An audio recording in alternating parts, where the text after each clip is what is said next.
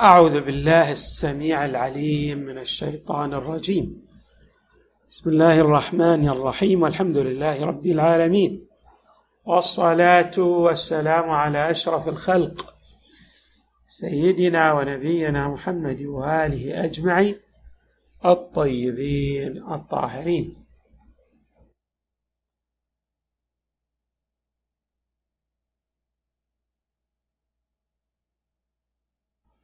من الأوصاف التي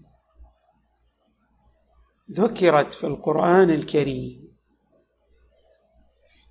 السخرية والاستهزاء والخداع والمكر. بمعنى أن الله تعالى يسخر من قوم ويمكر بقوم ويخدع قوما ويستهزئ بقوم. ولا بد أن نلتفت إلى أن هذه الصفات بادئ ذي بدء تدلل على بادئ ذي بدء تدلل على أن الحق تبارك وتعالى لكرمه سعة جوده وفضله وواسع رحمته. لا يفعل كما يفعل المخلوق. المخلوق ممكن أن يسخر ويستهزئ ويمكر ويخدع لمخلوق مثله. غير أن الله تبارك وتعالى لا يفعل كما يفعل المخلوق. بالرغم من أن هذه الأوصاف جاءت في آية القرآن الكريم ولكن لها معان واضحة بل في غاية الوضوح. لقد ورد سخر الله منه. وورد قوله تعالى الله يستهزئ بهم. هناك إذن سخرية واستهزاء بقوم. كذلك أيضا ورد المكر. قال تعالى ومكروا. ومكر الله والله خير الماكرين. والمخادعة أيضا أو الخداع. قال تعالى يخادعون الله وهو خادعهم. لكن المراد بالسخرية من عند الله تبارك وتعالى هو ترتيب الجزاء للعمل المشين من السخرية الذي يقوم به مثلا المنافق أو المسيء. فاذا الله يستهزئ بهذا المنافق الذي استهزأ بالله أو سخر من الله أو من آياته أو من أنبيائه ورسله أو من المؤمنين. الله يسخر منه بمعنى يرتب جزاء على سخريته. ويستهزئ به بمعنى أنه يجعله عبرة لمن اعتبر. وكذلك الحال أيضا في المكر. إذ قد يخطط هذا الإنسان ليمكر برسل الله وبعباده الصالحين. غير أن الله تعالى يجري مكره ضده. بمعنى يجعل عاقبة الأمر السيئة ترجع إليه. فإذا معنى المكر بهذا المعنى الذي ذكرناه. وهكذا معنى الخداع. المخادعة ما هي؟ يعني أن الإنسان قد يظهر الود. لغيره لاستجلابه حتى يوقعه في أمر سيء. الله لا يحتاج إلى ذلك. هؤلاء الذين يخططون من أجل قتل الرسل والأنبياء والصالحين الله تبارك وتعالى يجعلهم يقعون في مغبة أعمالهم. في نتائج أعمالهم لأن هذا الكون هو بيد الله. وحتى إذا جرى بعض ما مكروا به على أوليائه فإن ذلك سيرجع إلى الماكرين إلى السوء في أخراهم. ولهذا جاء إيضاح لمعنى هذه الآيات المتعددة. مثلا ورد عن إمامنا الرضا عليه السلام إن الله تعالى لا يسخر ولا يستهزئ ولا يمكر ولا يخادع. نفى الإمام الرضا عليه السلام وقوع هذه الأعمال من عند الله مع أنها مذكورة في القرآن. يعني ليس بالمعنى الذي النفي ليس بالمعنى الذي يتصف به المخلوق وإنما هي ثابتة لله بمعنى ترتيب الجزاء كما يذكر الإمام عليه السلام. فيقول الإمام عليه السلام ولكنه عز وجل يجازي هؤلاء جزاء السخرية وجزاء الاستهزاء. وجزاء الخديعة والمكر. ثم يقول الإمام عليه السلام تعالى الله عما يقول الظالمون علوا كبيرا. بمعنى أن الله لا يتصف بصفات المخلوقين الدالة على حاجته ونقصه وإنما يأتي اللفظ ليدلل على على ماذا؟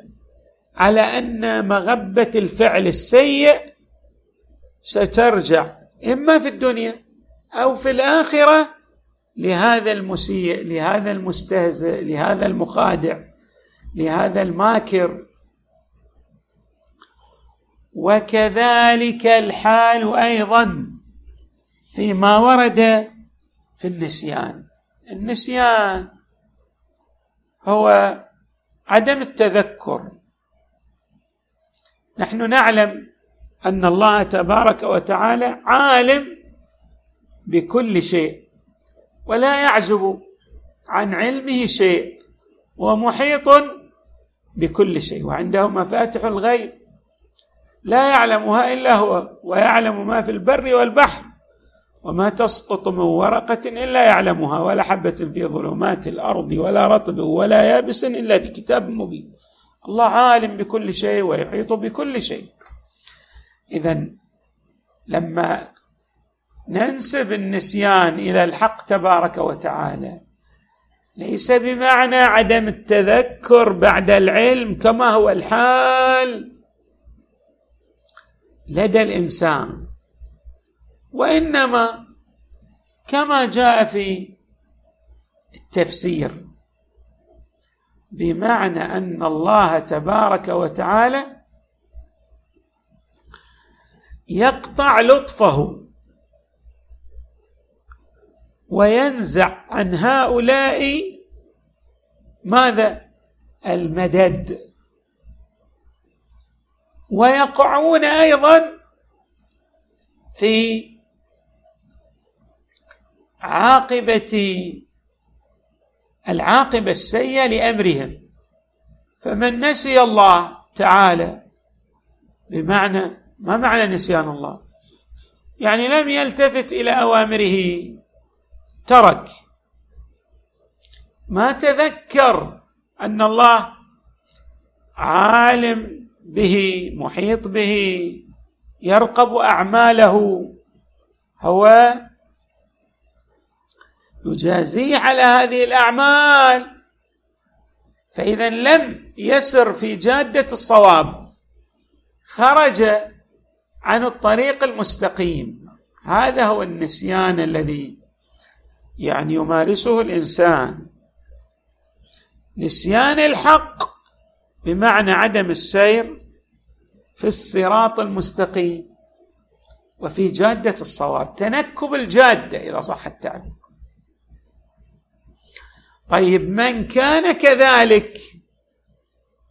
ما هو جزاؤه؟ جزاؤه أن الله تبارك وتعالى كما نسي الله الله سيقطع عنه اللطف سيقطع عنه المدد الإلهي. وقد يكون هذا القطع مؤقتا بسبب نسيانه لله كي يتذكر ويعود. قد يكون دائما لأن هذا ترك الحق تبارك وتعالى وابتعد عن جادة الهدى.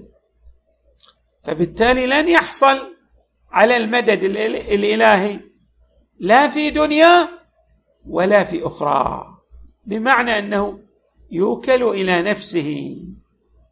اذا النسيان ليس بمعنى أن الله تبارك وتعالى يعزب عنه علم شيء من الأشياء لا يتذكره. تعالى الله عن ذلك علوا كبيرا. جاءت طبعا الآيات مثل قوله تعالى نسوا الله فنسيهم. ولكن الروايات أو بعض من الروايات الواردة عن أئمتنا صلوات الله وسلامه عليهم أجمعين أوضحت وبينت وفسرت لنا معنى نسيان الحق تبارك وتعالى لمن سار في طريق الضلالة. رواية عن إمام الرضا عليه السلام يقول إن الله تعالى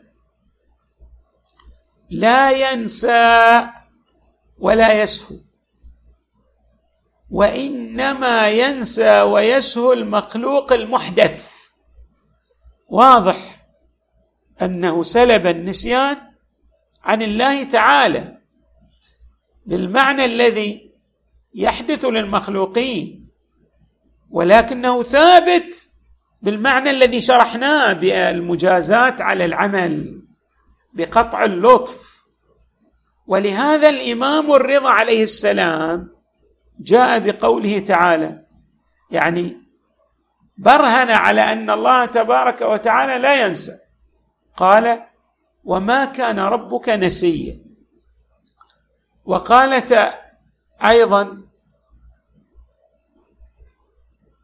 الإمام عليه السلام يستشهد ببعض آيات القرآن لإيضاح بعضها الآخر. وإنما يجازي من نسيه ونسي لقاء يومه يعني نسي لقاء يوم الحساب يوم القيامة بأن ينسيه ينسيهم أنفسهم. كما قال عز وجل ولا تكونوا كالذين نسوا الله فأنساهم أنفسهم. أولئك هم الفاسقون. وأيضا كما جاء في قوله تعالى فاليوم فاليوم ننساهم. كما نسوا لقاء يومهم هذا. يعني في يوم القيامة الله تبارك وتعالى ماذا يقطع عنهم المدد؟ لا يوليهم من ألطافه والسبب أنهم لا يستحقون ذلك بأعمالهم السيئة والمشينة التي صدرت عنهم في حياتهم الدنيا. فماتوا على الكفر والجحود وترك العمل الصالح. فلذلك الإمام عليه السلام يوضح هذا. يقول في قوله تعالى فاليوم ننساهم كما نسوا لقاء يومهم هذا أي نتركهم كما تركوا الاستعداد للقاء يوم القيامة. ما استعدوا للقاء الآخرة. فالله تبارك وتعالى آه، أوكلهم إلى أنفسهم. بمعنى قطع المدد عنهم. وأيضا هناك رواية توضح هذا المعنى. وردت هذه الرواية عن إمامنا أمير المؤمنين عليه السلام. في إيضاح قوله تعالى نسوا الله فنسيه قال الإمام عليه السلام إنما يعني أنهم نسوا الله نسوا الله في دار الدنيا. فلم يعملوا بطاعته. فنسيهم في الآخرة. كيف نسيهم في الآخرة؟ أي أنه تبارك وتعالى لم يجعل لهم ثوابا. على لم يجعل لهم جزاء خير. فأصبحوا منسيين من الخير. اذا الإمام ماذا يقول؟ لم يجعل لهم في ثوابه شيئا فصاروا منسيين من الخير. بمعنى لم يحصلوا على اللطف الإلهي وعلى الرحمة في يوم القيامة نتيجة لأعمالهم السيئة. نسأل الله تعالى أن يقين ذلك وأن يجعلنا مع من المرحومين مع محمد وآله البررة الميامين صلى الله وسلم وزاد وبارك على سيدنا ونبينا محمد وآله الطيبين الطاهرين.